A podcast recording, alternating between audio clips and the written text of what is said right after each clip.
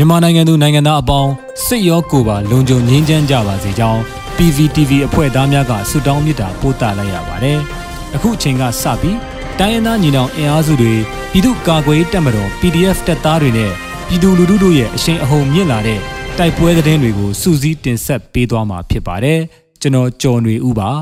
။ပထမဆုံးအနေနဲ့ပုံညာတောင်ကျေရဲမှာစိုင်ကယ်စီးလာတဲ့စစ်ကောင်စီတပ်ဖွဲ့ဝင်များကို YDF ကတိုက်ခိုက် စစ်သား10ဦးခန့်တေဆုံးတဲ့တဲ့ရင်ကိုတင်ဆက်မှာပါ။မကွေးတိုင်းကျောမြို့မှာတဆင့်ဂံကောမြို့ဘက်သို့စိုင်ကယ်6စီးနဲ့ထွက်ခွာလာတဲ့စစ်ကောင်စီတပ်ဖွဲ့ဝင်များကိုနိုဝင်ဘာလ24ရက်နေ့နက်8နာရီခွဲမှာပုံညာတောင်ကျင်ရင်၌ရော့ဒေတာကာကွယ်တပ်ဖွဲ့ YDF ကမိုင်းခွဲကတူမီတနက်များဖြင့်ပြစ်ခတ်တိုက်ခိုက်ခဲ့ပြီးစစ်သား10ဦးခန့်တေဆုံးကဒဏ်ရာပြင်းထန်သူများရှိကြောင်း YDF ကသတင်းထုတ်ပြန်ပါတယ်။ YDF တပ်ဖွဲ့ဝင်များအထိကိမရှိဘဲပြန်လည်ဆုတ်ခွာနိုင်ကြောင်းနဲ့ နိုဝင်ဘာလ15ရက်မှစပြီးအကြမ်းဖက်စစ်ကောင်စီတပ်နဲ့နေ့စဉ်တိုက်ပွဲများပြင်းထန်နေတာကြောင့်ပြည်သူများအနေနဲ့တိုက်ပွဲအနီးဝန်းကျင်တွင်တွာလာခြင်းမပြုကြရန် YDF ထုတ်ပြန်ချက်မှာဖော်ပြထားပါတယ်။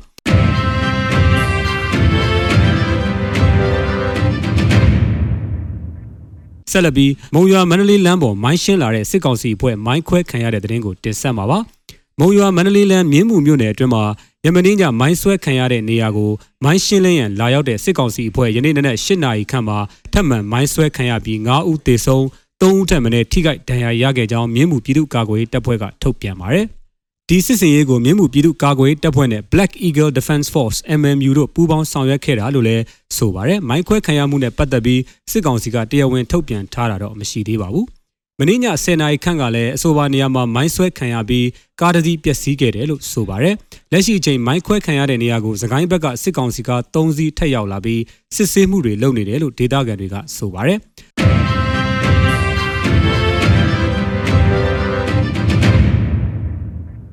ဆက်လက်ပြီးမြိုင်မှာစစ်ကောင်စီရင်နှန်းများကိုရှော့တိုက်ဒုံးဖြင့်ပစ်ပြီးမိုင်းခွဲတိုက်ခိုက်စစ်သား3ဦးထံမှတေဆုံးတဲ့တဲ့ရင်ကိုတင်ဆက်ပါမယ်။ မကွေးတိုင်းမြိုင်မြို့နယ်မှာနိုဝင်ဘာလ24ရက်နေ့နနက်9:00နာရီအချိန်ရင်နှန်းတင်ကား9စီးအတွက်လုံခြုံရေးလိုက်ပါလာတဲ့စစ်ကောင်စီရင်နှန်းကိုဒေသကာကွယ်တပ်ဖွဲ့များကရှော့တိုက်ဒုံးဖြင့်ပစ်ချင်းမိုင်းဆွဲတိုက်ခိုက်ခြင်းများလှုပ်ဆောင်ရာအ ਨੇ ဆုံးစစ်သား3ဦးတေဆုံးပြီးအများအပြားဒဏ်ရာရရှိကြောင်းမြိုင် PDF ကသတင်းထုတ်ပြန်ပါတယ်။မြိုင် PDF ရဲ့မြေခွေးပျောက်ကြားတက်တဲ့ပခုတ်ကူ PDF တို့ကယနေ့နိုဝင်ဘာလ24ရက်နေ့နနက်9:00နာရီခန့်မှာလက်ပံတို့အရာတော်လမ်းပေါ်မှာရေနံကား၅စီးကိုလုံခြုံရေးယူလိုက်ပါလာတဲ့စစ်ရင်တန်းကို တာဝေးပစ်ရှော့တိုက်ဒုံးဖြင့်ပစ်ချင်းမိုင်းခွဲခြင်းများဖြင့်တိုက်ခိုက်ခဲ့ကြောင်းစစ်ကားတစ်စီးတိုက်ရိုက်ထိမှန်ပြီးကားလုံးဝပျက်စီးသွားကကားပေါ်ရှိစစ်သားအနည်းဆုံး3ယောက်တေဆုံးကဒဏ်ရာရသူများပြားကြောင်းသိရှိရပါတယ်။အလားတူမြိုင် PDF မှဇုံနှစ်တက်စုမှုဘိုမိုးကားအဖွဲ့ကနိုဝင်ဘာလ22ရက်နေ့မွန်လွဲ2နာရီခွဲကမှာမြိုင်လင်းကတော်လမ်းရှိလင်းကတော်ရဲစခန်းမှုလင်မယားစီးလာတဲ့စစ်ကားကိုမိုင်း6လုံးခွဲတိုက်ခိုက်ရာ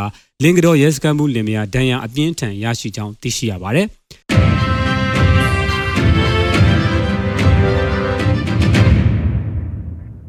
ဆက်လက်ပြီးနိုဝင်ဘာလ23ရက်သခိုင်းတိုင်းတိုက်ပွဲသတင်းအကျဉ်းချုပ်ကိုတင်ဆက်ပါမယ်။မုံရွာအရတော်လမ်းမှာစစ်ကောင်စီရင်နှန်းကိုဒေသကာကွယ်မဟာမိတ်ခုနှစ်ဖွဲ့ကယနေ့၄ချိန်မိုင်းဆွဲတိုက်ခိုက်ခဲ့ပြီးစစ်သား20ကျော်ထိပြီးအများစုမှာတေဆုံးနိုင်ပါတယ်။စစ်ကောင်စီရဲ့ရိတ်ခါတင်တင်မောနှစ်စီးနဲ့ကင်းလက်စပီးဘုတ်တစ်စီးကို မင်းကင်းမြေရိုးအောက် PDF ကကြားပြတ်တိုက်ခိုက်ခါရိတ်ခါတင်မော်တော်တစ်စီးထိခိုက်ခဲ့ပါတယ်။မြောင်မြို့နယ်မှာစစ်ကောင်စီရင်တန်းပြည်သူ့ကာကွယ်မဟာမိတ်အဖွဲ့များကမိုင်းဆွဲတိုက်ခိုက်ရာစစ်သား10ဦးထိခိုက်ဒေဆုံးခဲ့ပါတယ်။ကလေးမျိုးတောင်ပိုင်းမှာခြေလင်းထွက်ခွာလာတဲ့စစ်ကောင်စီ25ဦးအဖွဲ့အား PDF ကလေးနဲ့ CDF ကလေးကဘော်ဂန်ကောတက်ရင်လေးတို့ကရှေ့စဉ်နောက်စဉ်ကြားဖြတ်တိုက်ခိုက်ရာစစ်ကောင်စီ3ဦးတေဆုံးပြီး9ဦးထိခိုက်ခါဒဏ်ရာပြင်းထန်ကြောင်းသိရှိရပါတယ်။မုံရွာနန္ဒဝန်အမှတ်2ရဲစခန်းကိုလက်ပစ်ပုံးဖြင့်ပစ်ခတ်တိုက်ခိုက်ခံရပြီး ထိခိုက်ကြဆုံးမှုတော့မသိရသေးပါဘူး။အကြမ်းဖက်စစ်ကောင်စီခန့်စကိုင်းတိုင်းဝန်ကြီးချုပ်ဦးမြတ်ကျော်ရင်နှန်းကိုရွာတစ်ကြီးနဲ့နက်ခရိုင်ကြားမှာအာနာရှင်စနစ်တိုက်ဖြတ်ရေးပြည်သူတပ်ဖွဲ့ PAFD ကမိုင်းဆယ်လုံးခွဲကတိုက်ခိုက်ခဲ့ပါတယ်။ဌာနဆိုင်ရာဝန်ထမ်းတို့ဒဏ်ရာရရှိကြောင်းသိရှိရပါတယ်။